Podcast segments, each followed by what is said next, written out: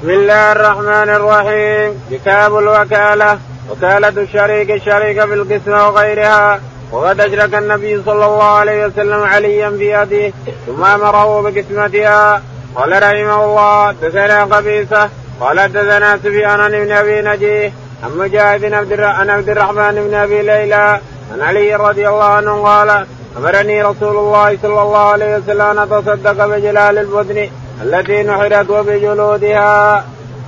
يقول البخاري رحمه الله انتقل من الدين إلى الوكالة. يقول حدثنا وكالة الشريك الشريك يقول الشريك لشريكه. يعني أنا وياك شركاء في مال نبيع نشتري فيه. أنا أنا وكيل لك وأنت وكيل لي. أنت وكيل لي لأني شركان. أنا أبيع بالوكالة وأنت تبيع بالوكالة. أنت كفيلي وأنا كفيلك. كلاهما سواء. يقول رحمه الله حدثنا وقد أشرك النبي صلى الله عليه وسلم عليا في هديه ثم أمره. أشرك النبي عليه السلام عليا في بدنه يعني بهديه يعني أشركه ينحر نحر علي 37 والرسول نحر 63 هي اللي كلها تماما 100 كلها 100 ناقة. علي نحر 37 والرسول عليه الصلاة والسلام نحل 63 عدد سنينه اللي عاش في الدنيا. نعم. وأمر علي أن يتصدق بالجلال يعني الثياب اللي تلبس إياها عن الحر عن المطر وبالجلود أيضا. يتصدق بالجلال والجلود وحتى باللحم. طبخ اللحم وأتي به إلى الرسول يأكل منه. نعم. قال حدثنا قبيصة. يقول البخاري حدثنا قبيصة. قال حدثنا سفيان. ها؟ سفيان. سفيان. قال حدثنا عبد الله بن أبي عبد الله بن أبي نجيح. أبي نجيح. قال عن مجاهد. عن مجاهد. عن عبد الرحمن بن أبي ليلى. عن عبد الرحمن بن أبي ليلى عن علي. عن علي رضي الله تعالى عنه أنه وكله الرسول عليه الصلاة هذا الشاهد أن الرسول وكل عليا في نحر بعض البدن وهي 37 في نحرها ووكله في الصدقة بجلالها وهي الثياب التي تحط على ظهرها والجلود. ووكله أيضا الصدق بالجلود. ونحر هو عليه الصلاة والسلام 63 بدنه نعم. قال رحمه الله حدثنا عمرو بن خالد قال حدثنا ليس ان يزيد بالخير عن عقبة بن عامر رضي الله عنه أن النبي صلى الله عليه وسلم اتاه غنما يقسمها على صحابته فبقي عتود فذكره للنبي, للنبي صلى الله عليه وسلم فقال ضحي أنت. الحديث الأول وكالة علي رضي الله عنه تنبئ أن أن الناس اليوم مثلا يا فلان من فضلك إنت رايح للمجزرة اشتري لي طليين أو ثلاثة طليان واذبحها في المجزرة. أنت وكيلي في الشراء ووكيلي في الذبح. اذبحها في المجزرة وذبح بها على الناس في المجزرة. اذبح اشترها أول ثلاثة طليان أو أربعة أو عدد, حجاجه اللي معه. خذ يا فلان هذه فلوس وأنت وكيلي اذهب فاشتر طليان وانحرها في المجزرة. أنت بنفسك. فيوكله في الشراء ويوكله في في ذبحها. اليوم هذا جائز هذا كله جائز توكل شخص أن يشتري لك طلي أو طليين ويذبحها في المجلس توكله. هذا كله جائز هذا لا بأس به.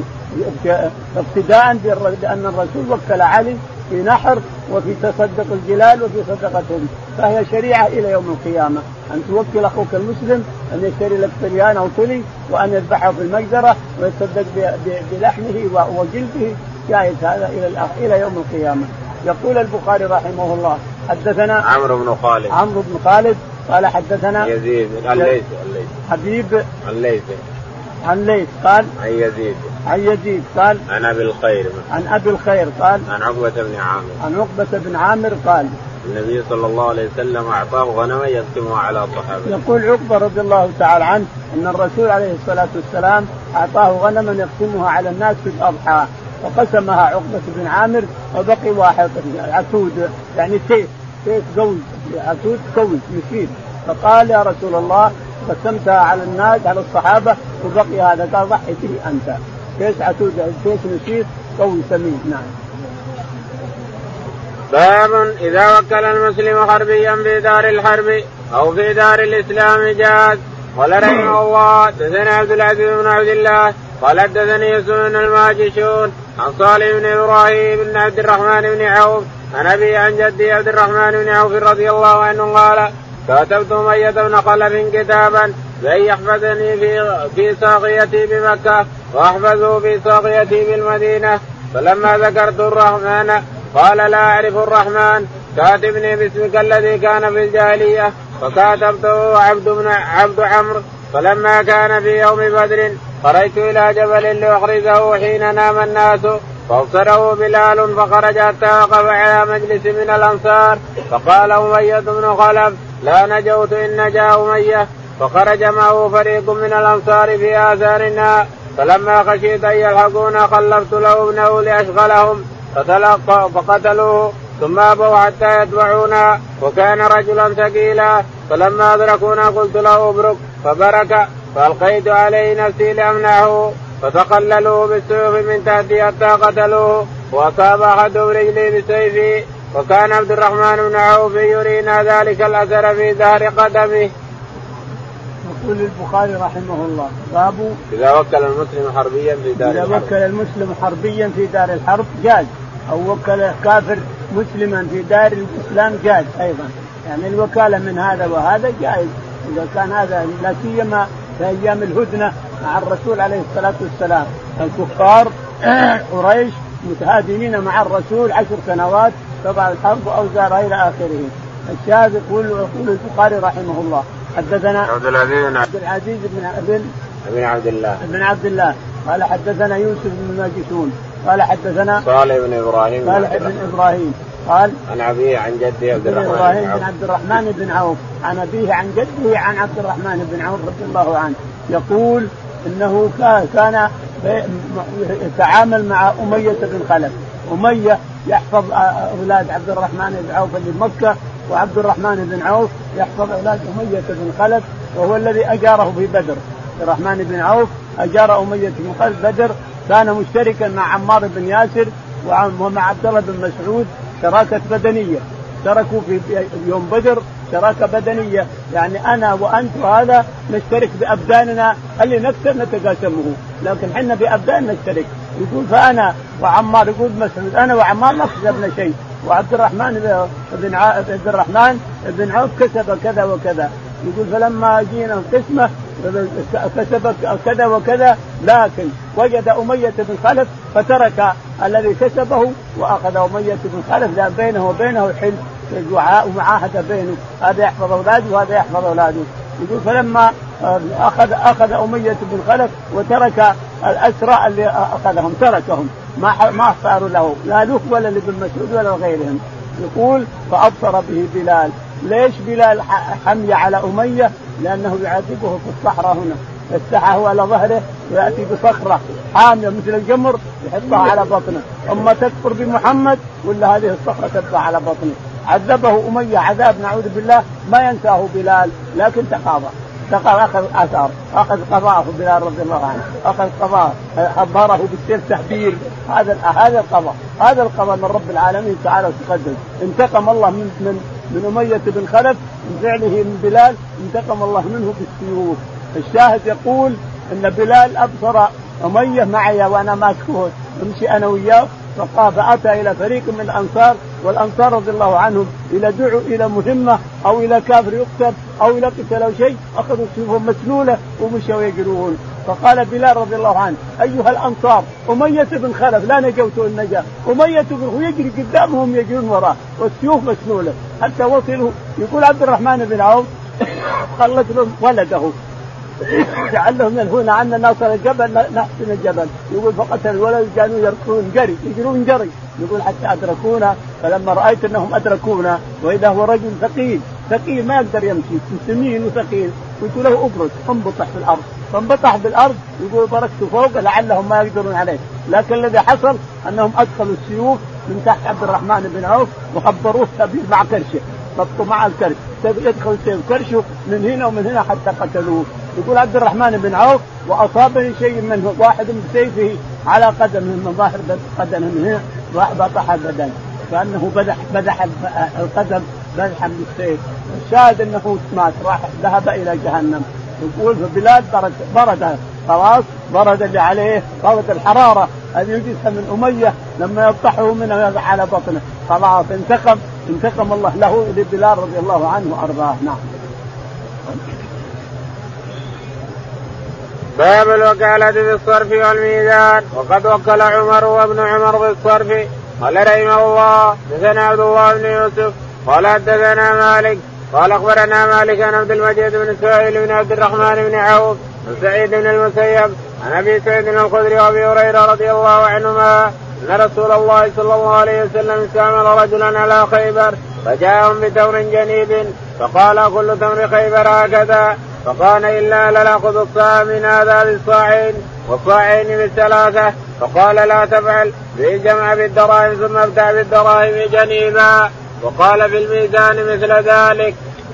يقول البخاري رحمه الله باب الوكالة في الصرف والميزان باب الوكالة في الصرف والميزان يعني في الصرف يصرفه يوكله أن اصرف لي هذا الدينار يا فلان رح أصرفه عند الصيرفي هناك خذ الدينار, الدينار هذا أو دنانير أو عشرة أو أقل اصرفها دراهم من فضلك عند الصيرفي يروح الوكيل يصرفه يجيب له الدراهم يصرف الذهب الدنانير يصرفها له.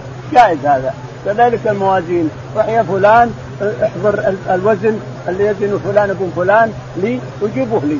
إذا وزن المال اللي عنده لي الإنسان إذا وزنه لك جيب جيب لي الميزان جائز هذا في الموازين وفي الكيل وفي الصرف وفي كل شيء الوكالة جائزة في كل شيء كل شيء مباح يتعامل به الناس جائز الوكالة فيه نعم.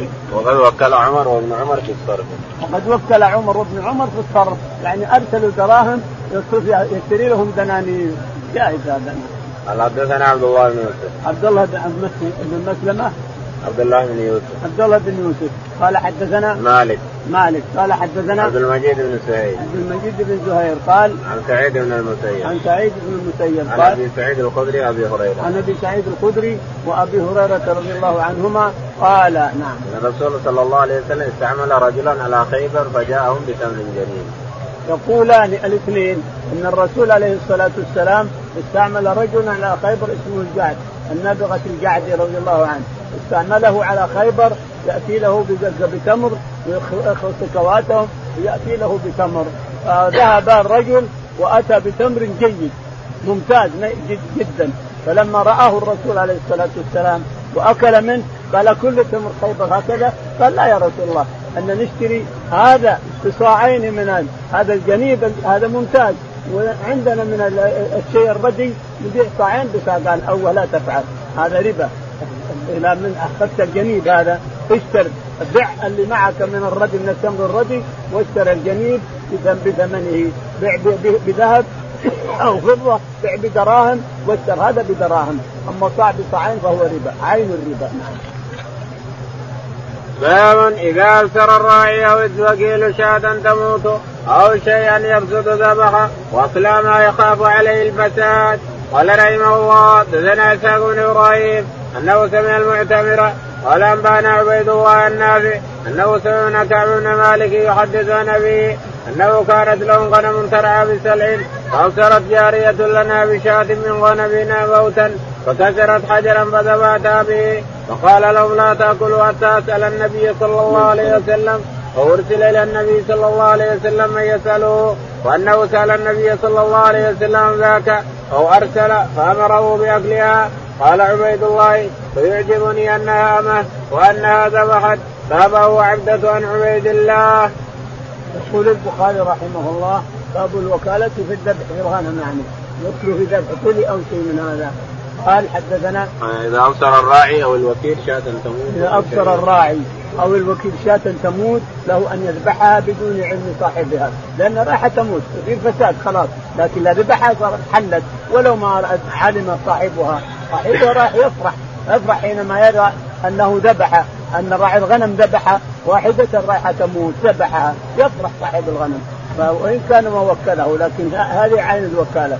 يقول حدثنا إسحاق بن إبراهيم. إسحاق بن إبراهيم. قال حدثنا المعتمر بن سليمان. المعتمر بن سليمان قال عن عبيد الله بن عمر. عن عبيد الله. قال حدثنا نافع. نافع عن ابن عمر. انه سمع من كعب بن مالك. عن سمع من كعب بن مالك.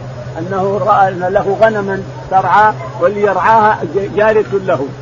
عبد قينه له لكعب بن مالك. يقول إنها ترعى الغنم في الصحراء فرأت شاة تموت فكسرت حجرا ذكية. العبدة هذه ذكية عندها ذكاء عندها فطنة. رأت الشاة بتموت ما عندها سكين. استعمل كسرت الحجر حتى بان طرف الحجر كأنه سكين. فذبحت الغنم فيها. ذبحت الغنم فيها. فلما أتى أتي بالغنمه قال كعب حتى نسأل الرسول عليه الصلاة والسلام.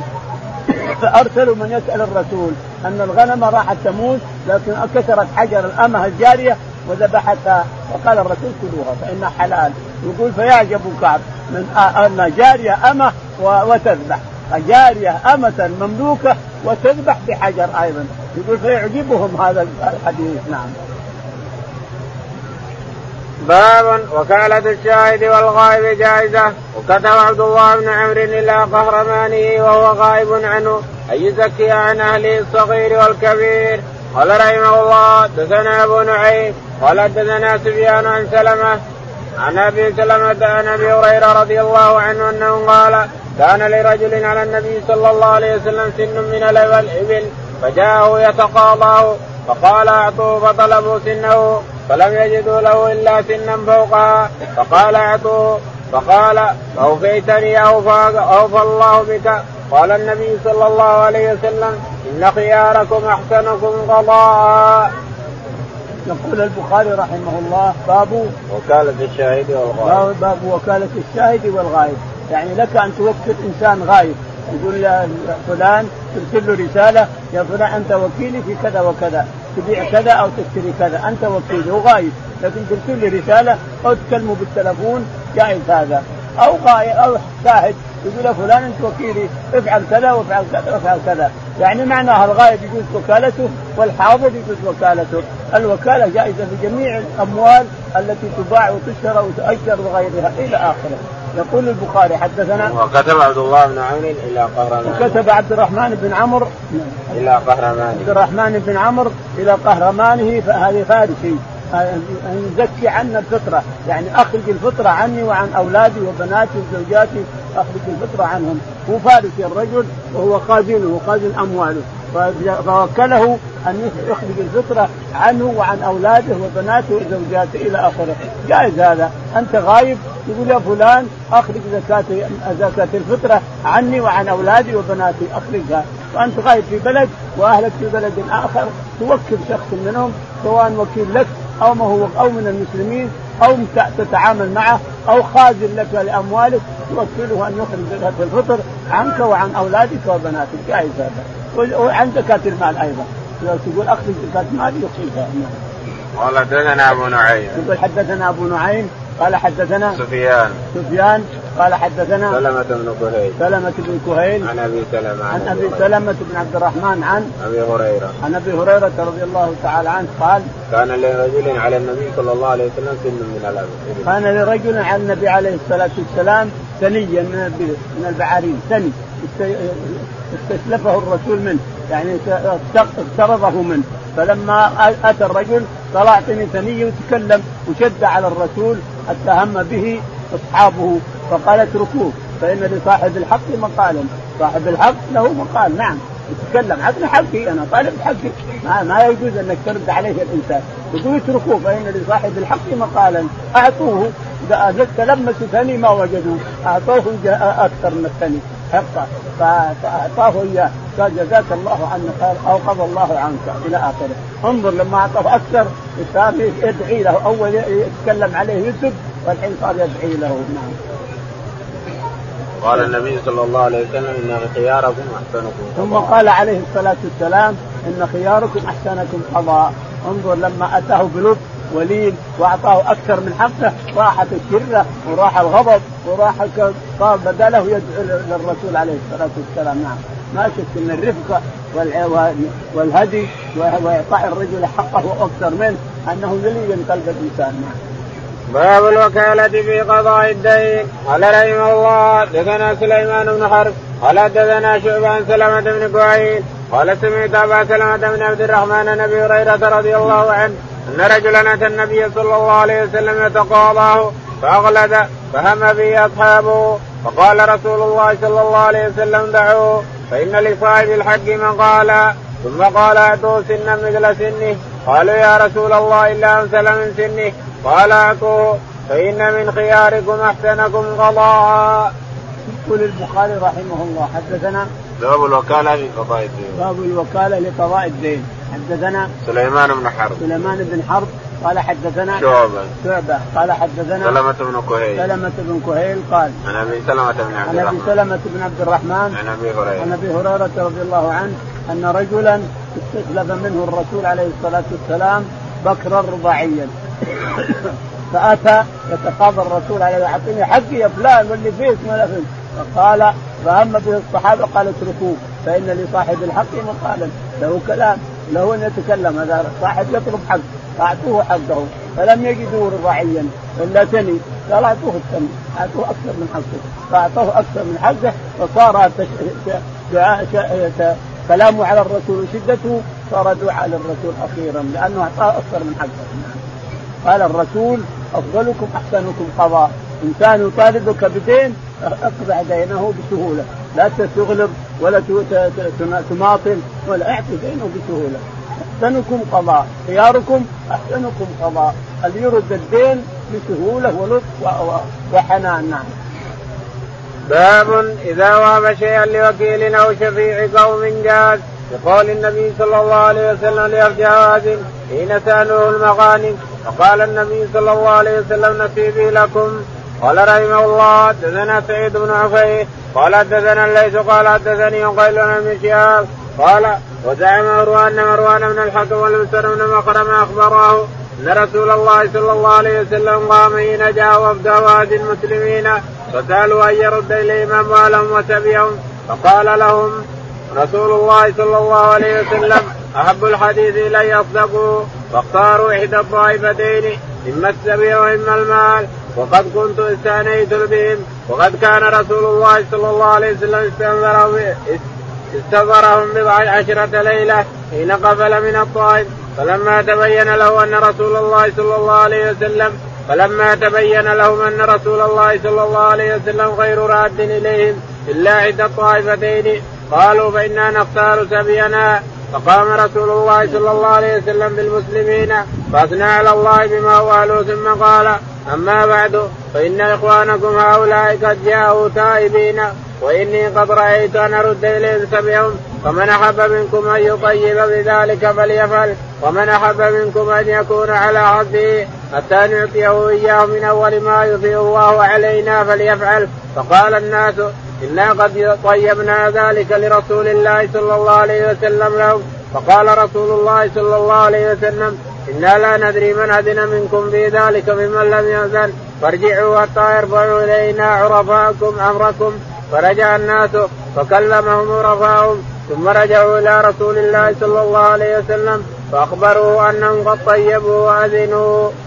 يقول البخاري رحمه الله باب آه باب إذا وكل شيئا لوكيل إذا وهب شيئا. إذا وكل شيئا لأناس. إذا وهب شيئا لوكيل أو شفيع إذا وكل وهب وهب. إذا وهب شيئا لوكيل أو شفيع. لوكيل أو شفيع. أو شفيع قوم جاز. أو شفيع قوم جاز. إذا وكل إذا وهب شيئا أو وكل لشفيع أو لشفيع قوم جازت الوكالة. يعني العرفاء وكلاء للرسول عليه الصلاة والسلام العرفاء اللي قال ما ندري من يطيب من من يطيب خاطره من لا يطيب. لكن عرفاؤكم يرفعون إلينا. فالعرفاء وكلاء للرسول عليه الصلاة والسلام في سؤال قومهم. هل طابوا نفسا أو ما طابوا؟ فاللي طاب نفسه خلاص واللي ما طابت نفسه يعطى من السبي اللي أخذه يعطى بأول مغنم يأتي إلى آخره. يقول البخاري حدثنا سعيد بن عبيد. سعيد بن عبيد قال حدثنا الليث بن سعد. الليث بن سعد قال حدثنا عقيل بن خالد. عقيل بن خالد عن ابن شهاب. عن ابن شهاب الزهري قال قال قال وزعم عروة أن مروان بن الحكم والمسور يقول عادة كان الصحابيان اللي لا يسترقان. اثنين ما يسترقان؟ مروان بن الحكم هو صحابي والمسور بن مخرمة هو صحابي تابعيين. لكنهم ما يفترقان دائما يجتمعان في الحديث. دائم يأتون الإثنين بالحديث. فأتى المسور بن مخرمة ومروان بن الحكم. قال إن النبي عليه الصلاة والسلام يقول إن لما أخذ هوازن تعرفون وقعت حوازن؟ عند حنا عند الشرائع.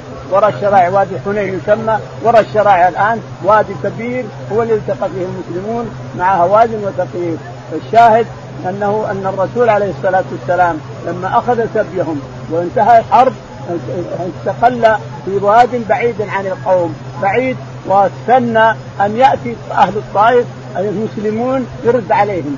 استنى 12 يوم. كان عليه الصلاة والسلام قرابه 12 يوم. لعل الله يأتي بهم مسلمين. لعلهم يجون نرد عليهم اموالهم وأولادهم. ما جو.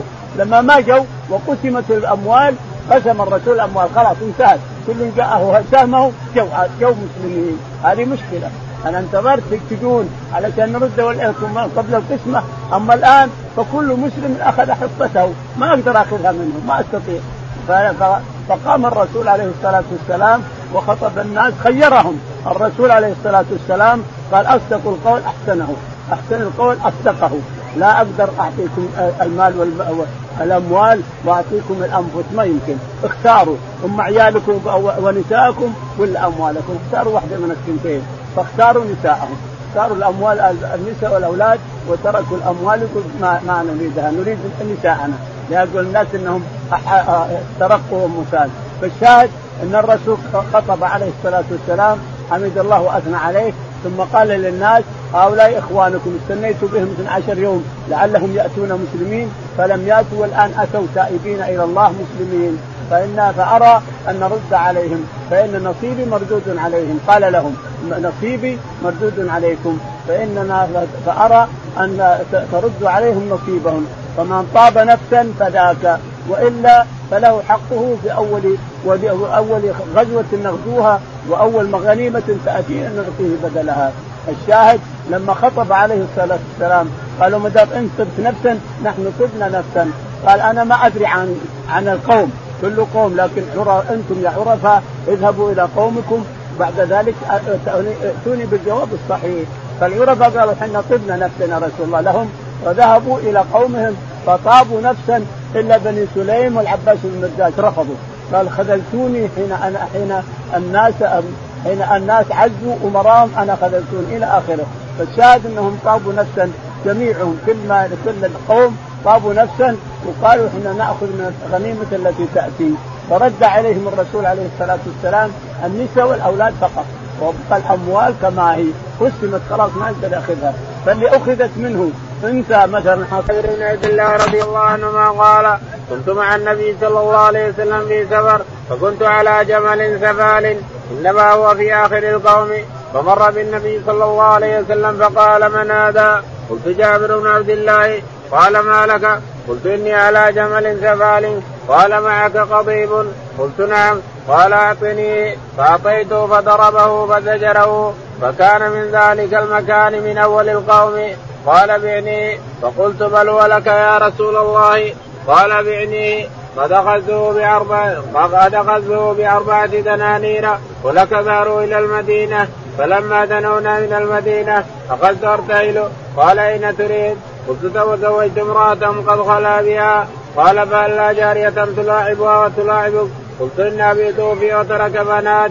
فأردت أن أنكح امرأة قد جربت خلا قد جربت خلا منها قال فذلك فلما قدمنا المدينة قال يا بلال اقضي وزده فأعطاه أربعة دنانير وزاده قيراطا. قال جابر لا تفارقني زيادة رسول الله صلى الله عليه وسلم. فلم يكن القيراط يفارق جراب جابر بن عبد الله.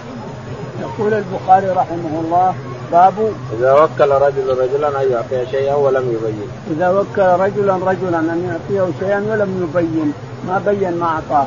يقول البخاري حدثنا فأعطى ما يتعارف به فأعطى ما يتعارف به الناس. يعني وكل رجل أن يعطي رجلا شيئا ولم يبينه. فالوكيل أعطى ما يتعارف به الناس. لأن العرف والعادة قد يكون لها دخل في الشريعة. إذا لم تخالف الشريعة فإن لها دخل في الشريعة. العرف والعادة لها ما دخل في الشريعة. فنقول هذا عرف هذا عرف الناس خذ عرف الناس. هذه عادة الناس خذ عادة الناس. إلا إذا خالفت الشريعة فلا فلا عبرة بهما. إذا خالفوا الشريعة ما دامت ما خالفها شريعة فلا فإن العرف والعادة لها دخل في الشريعة عند الناس. فأنا أقول خذ عادة الناس كذا وكذا. يا فلان خذ هذا. هذه عادة الناس. خذ أنت كذا وكذا. أو هذا المعروف المتعارف بين الناس. خذ هذا. لأنه هو العرف بين الناس إلى آخره. فلك أن تعطيه عرف معرفة الناس أو عرفهم الذي يسيد بهم اليوم يتعاملون به. يقول البخاري نعم. حدثنا المكي بن إبراهيم. حدثنا المكي بن إبراهيم. قال حدثنا ابن جريج. ابن جريج قال عن عطاء بن أبي رباح عن عطاء بن أبي رباح قال وغيره. وغير عطاء قال قال يزيد بعضهم على بعض. يزيد بعضهم على بعض. يعني عطاء وغيره من اللي رووا الحديث يزيد بعضهم على بعض في الحديث. فقال ولم يبلغه كلهم رجل واحد منهم. ولم يبلغه كلهم رجل واحد. نعم. عن جابر بن عبد الله رضي الله عنه. عن جابر رضي الله تعالى عنه يعني إن الاثنين اتفقا على جابر رضي الله عنه. أنه لما أتى لغزوه بن المصطلق بالليل سائرين بالليل أتى الرسول عليه الصلاة كان معه جمل سفال يعني منقطع هزيل مرة ما يمشي. في آخر الناس الجيش مسافة كيلو عن الناس وهو يمشي وراء وراء وراء. جاء الرسول من وراء أما أنه انفرد عن الجيش الرسول عليه الصلاة والسلام أو حصل حاجة جاء من وراء عليه الصلاة والسلام فرأى الجمل والراكب. من هذا؟ قال جابر. قال ما لك؟ قال جملي منقطع ما يقدر ما يقدر يمشي. قال معك عصا؟ معك ضريب معك عصا؟ قال نعم. أعطني. فأعطاه العصا وضربه وزجره يقول فصار طيران حتى صار في مقدم الناس. صار في مقدم الجيش. ما أقدر أمسك الحبل. رسنه وما أقدر أمسك. صار يجري جريان الجمل. يقول بعنيه يا جابر. قلت يا رسول هو لك؟ قال لا بعنيه. يقول فبعته بأربعة قراريط فذهب الرسول لكني اشترطت يقول ولهذا احتج به ابن أبي ليلى لما قال لما قالوا له ما ما شرطك؟ قال إن جابر رضي الله عنه باع الجمل واشترط على الرسول حملانه إلى إلى إلى المدينة. فهذا بيع وشرط. هذا احتج به ابن أبي ليلى لما وصلوا إلى مكة وسألهم أهل مكة الفقهاء فقهاء بغداد بن أبي ليلى وابن شبرمة وابو حنيفة. سألهم فاختلفوا في حديث واحد. مسألة واحدة لكن المهم أن كل واحد منهم جاب حديثا عن النبي عليه الصلاة والسلام. هذا هذا العلم هذا الفقه. كل واحد من علماء العراق جاب حديث عن النبي عليه الصلاة والسلام. منهم بن أبي ليلى قال الرسول عليه الصلاة والسلام اشترى جمل جابر واشترط له يعني إنه يصح بيع وشرط. واحد قال لا يصح البيع ولا الشرط. واحد قال يصح الشرط ولا البيع. فاحتج ببريرة. واحد منهم احتج ببريرة. والثالث الثالث قال لا يصح البيع ولا الشرط. البيع والشرط ما يصح. وهذا إذا اشترى شيئا واشترط شرطا لا يصح الشيء لا ينافي ينافي العقد. فهذا باطل البيع والشرط. احتج به واحد منهم. الشاهد أن جابر يقول بعته إياه واشترطت حملانه إلى المدينة. فسار جابر حتى وصل الجميع إلى المدينة قال هل تزوجت يا جابر؟ قال نعم يا رسول الله قال جابر بكرا أو ثيب؟ قال ثيب قال هل بكرا تلاعبه وتلاعبك؟ قال يا رسول الله إن عبد الله بن عمرو ترك سبع نسوة وإني خشيت أن أجيب بكر يلعبونهم إياها لكن جبت ثيب تقوم بشؤونهم وتسلك رؤوسهم وتقال أحسنت إلى آخره. فلما وصل المدينة أتى جابر بالجمل وسلمه الرسول عليه الصلاة والسلام فقال الرسول هذا الشاهد. فوكل الرسول بلال أن يقضيه. أربعة قناطير قال وزده يقول فزاده. يقول فهذه الزيادة جابر لا تفارقه. لا ليل ولا نهار حتى بجرابه حتى مات. وزيادة الرسول في جيبه. القراريط راحت. والجمل رده عليه. الرسول رد الجمل عليه وأخبره أن الله اشترى من المؤمنين أنفسهم وردها عليهم. انظر. فأنا شريت الجمل ورددته عليه. هذه علامه الاخره نعم. باب وكالة امرأة الإمام في النكاح. قال رحمه الله دثنا عبد الله بن يوسف. قال أخبرنا مالك بن أبي حازم عن سالم بن سعد رضي الله عنه قال جاءت امرأة إلى رسول الله صلى الله عليه وسلم فقالت يا رسول الله إني قد وهبت لك من نفسي. فقال رجل زوجني قال زوج قال قد زوجناك بما معك من القرآن. يقول البخاري رحمه الله باب وكالة المرأة من نفسها. توكل يقول وكلتك فلان أن تزوجني. أو وكلت فلان ابن فلان أن يتزوج إلى آخره. هذا التوكيل عند الحنابلة ما يصح. توكيل المرأة لنفسها أو كانت تنكح نفسها ما يجوز. عند الإمام مالك والشافعي وأحمد. أما أبو حنيفة يقول هي تملك نفسها تبيع بيتها وتبيع ساعتها وتبيع سيارتها ولا تملك نفسها. كيف يصير هذا؟ هذا انعكاس عندكم. لكن مالك والشافعي وأحمد يرون أن المرأة لا يمكن أن تعقد. للحديث قول الرسول عليه الصلاة والسلام لا نكاح إلا بولي وشاهدي عدل. مالك يقول الشهود بلا شيء. لكن لابد من الولي. الولي لابد منه. لكن الإمام الشافعي والإمام أحمد يرون أنه لابد من من الشهود ولا بد من الولي. ضروري من الولي وضروري من الشهود.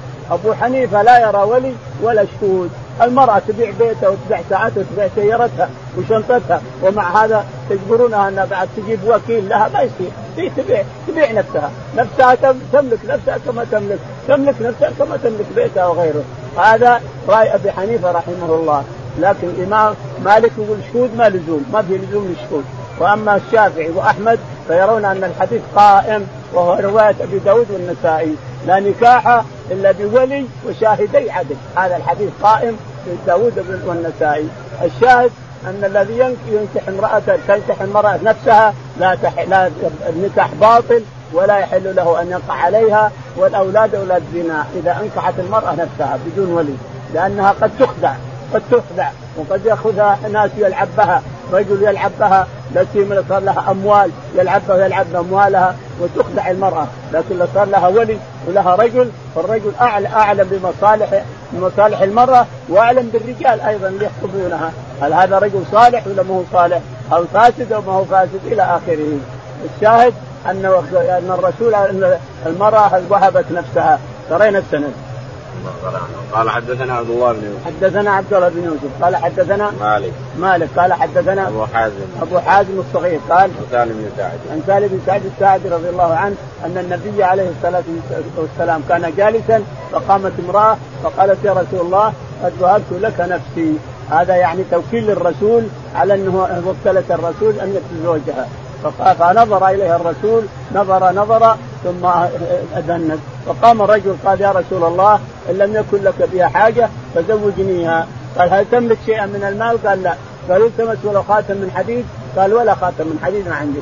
قال معك قرآن؟ قال نعم. قال زوجتكها بما معك من القرآن. السؤال الآن هل يجوز تزوج المرأة على قرآن؟ كما فعل الرسول بالمرأة عليه الصلاة والسلام. يقول زوجتك بسورة كذا وكذا؟ يقول لا ما يجوز. لأنه لو طلقها قبل الدخول يرجع بإيش؟ هي ترجع بإيش ويرجع بإيش؟ وش يرجعون به؟ يرجعون بإيش؟ يرجعون بأجرة القراءة جائز يقول إنه إجرة القراءة لكن ما حصل قراءة ولا حصل اجتماع حتى يقرئها إلى الآن يقال إن الرسول زوجها ليقرئها السورة ليقرئها القرآن زوجها بأن يقرئها القرآن لأنه قرآن نفسه هو الصداق إنما زوجها إياه يقرئها القرآن اللي هو يحفظ. يحفظ سور من القرآن يقرئها هذه السور يكون صداق. فالقراءة لها أجرة لا شك في هذا. أما نفس القرآن لا يكون أجرة اطلاقا. نعم.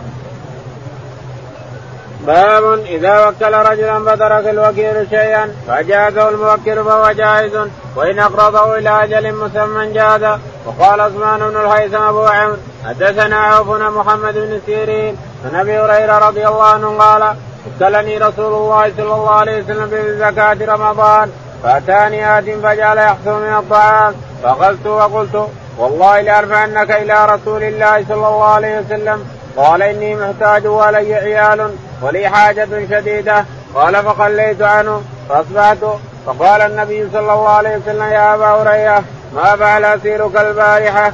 قال قلت يا رسول الله شكا حاجة شديدة وعيالا فرحمته فخليت سبيله. قال ما إنه قد كذبك وسيعود وعرفت أنه سيعود لقول رسول الله صلى الله عليه وسلم إنه سيعود. فرصدته فجاء يحصو من الطعام فاخذته فقلت لارفعنك إلى رسول الله صلى الله عليه وسلم. قال دعني فاني محتاج والي عيال لا أعود. فرحمت فخليت سبيله. فاصبحت فقال لي رسول الله صلى الله عليه وسلم يا أبا هريره ما فعل أسيرك؟ قلت يا رسول الله شكا حاجة شديدة وعيالا فرحمت فخليت سبيله. قال ما إنه قد كذبك وسيعود فرصدت الثالثة فجاء يحثو من الطعام. فاخذته فقلت لارفعنك إلى رسول الله صلى الله عليه وسلم وهذه آخر ثلاث مرات. إنك تزعم لا تعود ثم تعود قال دعني أعلمك كلمات ينبغك الله بها. قلت ما هو؟ قال إذا أويت إلى فراشك فاقرا إيه الكرسي. الله لا إله إلا هو الحي القيوم. حتى تختم الآية. فإنك لن يزال ما عليك من الله حافظ. ولا يقربنك شيطان حتى تصبح. يقول البخاري رحمه الله. فخليت سبيله فأصبحت فقال لي رسول الله صلى الله عليه وسلم ما فعل أسيرك البارحة؟ قلت يا رسول الله زعم أنه يعلمني كلمات ينفعني الله بها فخليت سبيله. قال ما هي؟ قلت قال لي إذا أويت إلى فراشك فاقرأ الكرسي من أولها حتى تختم. الله لا إله إلا هو الحي القيوم. وقال لي لن يزال عليك من الله حافظ. ولا يقربنك شيطان حتى تصبح. وكانوا أحرص شيء على الخير. فقال النبي صلى الله عليه وسلم أما إنه قد صدق وهو كذوب سالوا من تقاطع منذ ثلاث ليال. يا أبا هريرة. قال لا. قال ذاك الشيطان. يقول البخاري رحمه الله باب إذا وكل رجلا فترك الوكيل شيئا فاجازه إذا وكل رجلا فترك الوكيل شيء أو أعطى شيء بدون إرادة الموكل. فأجازه الموكل. فأجازه لا أعطى شيء بدون إرادة الموكل لكن الموكل أجازه بعد ذلك. جاز هذا.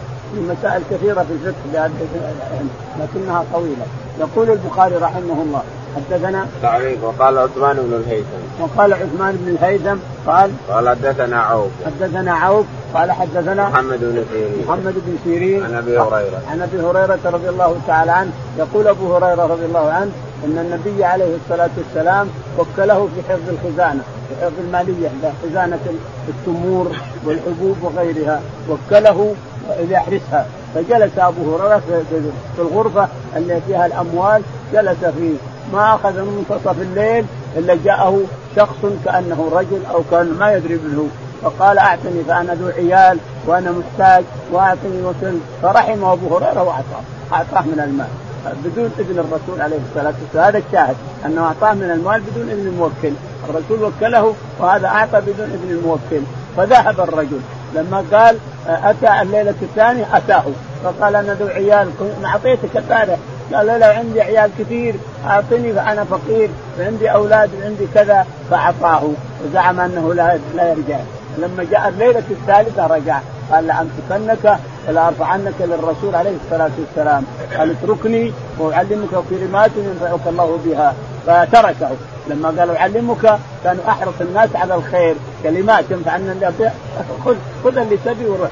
فأخذ ثم قال ما هي الكلمات؟ قال إذا أويت إلى فراشك فاقرا آية الكرسي. الله لا إله إلا هو الحي القيوم. لا تأخذه سنة ولا نوم. له ما في السماوات وما في الأرض. عند الذي يشفع عنده إلا بإذنه. يعلم ما بين أيديهم وما خلفهم. ولا يحيطون بشيء إلا بإذنه. له ما يحيطون بشيء إلا بإذنه. ويعلم ما في السماوات وما بعلمه. إلا بإذنه. بعلمه. لا يحيطون بشيء إلا بعلمه يعلم ما بين أيديهم وما ولا يحيطون بشيء إلا بعلمه له ما في السماوات وما في الأرض ولا يحيطون بشيء إلا بعلمه وسع كرسيه السماوات. وسع كرسيه السماوات والأرض ولا يؤوده حفظهما وهو العلي العظيم. يقول لما قرأ الآية قال اقرأ هذه الآية كلها إذا أويت إلى فراشك فإنه لا يقربك شيطان. إذا قرأتها إذا أويت إلى فراشك فاقرأها كلها فإنه لا يقربك شيطان حتى تصبح. ولن يزال عليك من ولن يزال عليك من الله حارس. يعني أول لا يقربك شيطان والثاني أنه لا يزال عليك من الله حارس. هذا إذا أويت إلى فراشك فاقرأها. فإنه لا يزال عليك من الله حارس ولا يقربك شيطان. نعم السور نعم الآية. أعظم آية في القرآن. إذا قيل ما أعظم آية في القرآن؟ آية الكرسي.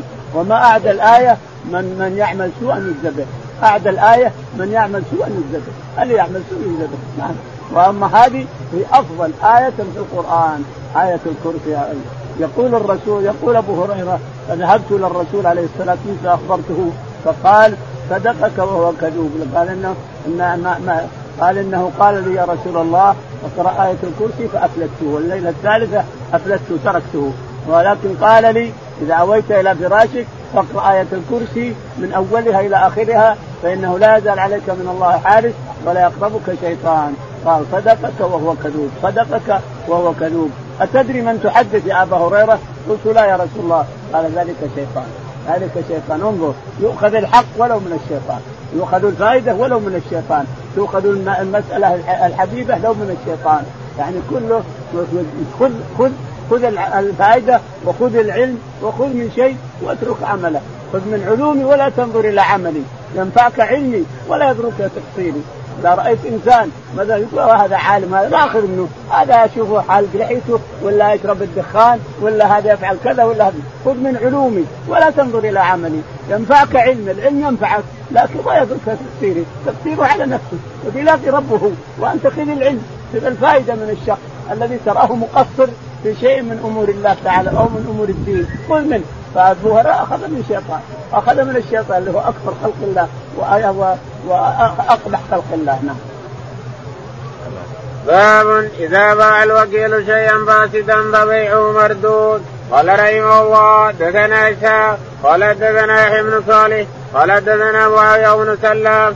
أي يحيى أنه قال سمعت عقبه بن عبد الغافر أنه سمع ابا سيدنا الخدري رضي الله عنه قال جاء بلال إلى النبي صلى الله عليه وسلم بتمر برني فقال له النبي صلى الله عليه وسلم من أين هذا؟ قال بلال كان عندنا تمر رديء فبعت منه صاعين بساع لنطعم النبي صلى الله عليه وسلم فقال النبي صلى الله عليه وسلم عند ذلك أوه أوه عين الربا عين الربا لا تفعل ولكن إذا أردت أن تشتريها فبيع التمر ببيع ببيع آخر ثم اشتره. يقول البخاري رحمه الله باب إذا باع الوكيل بيعا فاسد أو باع الرجل بيعا فاسد فهو مردود. كل بيع باطل فهو مردود من أوله لأنه باطل من أوله لأجل حسم النزاع. كل بيع فاسد فإنه باطل فباطل أو فاسد فإنه مردود. الفاسد ما اتفق الأئمة على على بطلانه والباطل ما ما, ما واحد من الأئمة قال إنه فاسد. والباطل ما اتفق الأئمة على أنه باطل. اتفقوا على أنه باطل وجاءوا بأحاديث من من هذا أنه باطل. والفاسد ما أفسده أحد الأئمة الأربعة. قال هذا فاسد عنده فهذا فهو فاسد. وأما الباطل ما اتفقوا على أنه باطل فهو باطل حينئذ.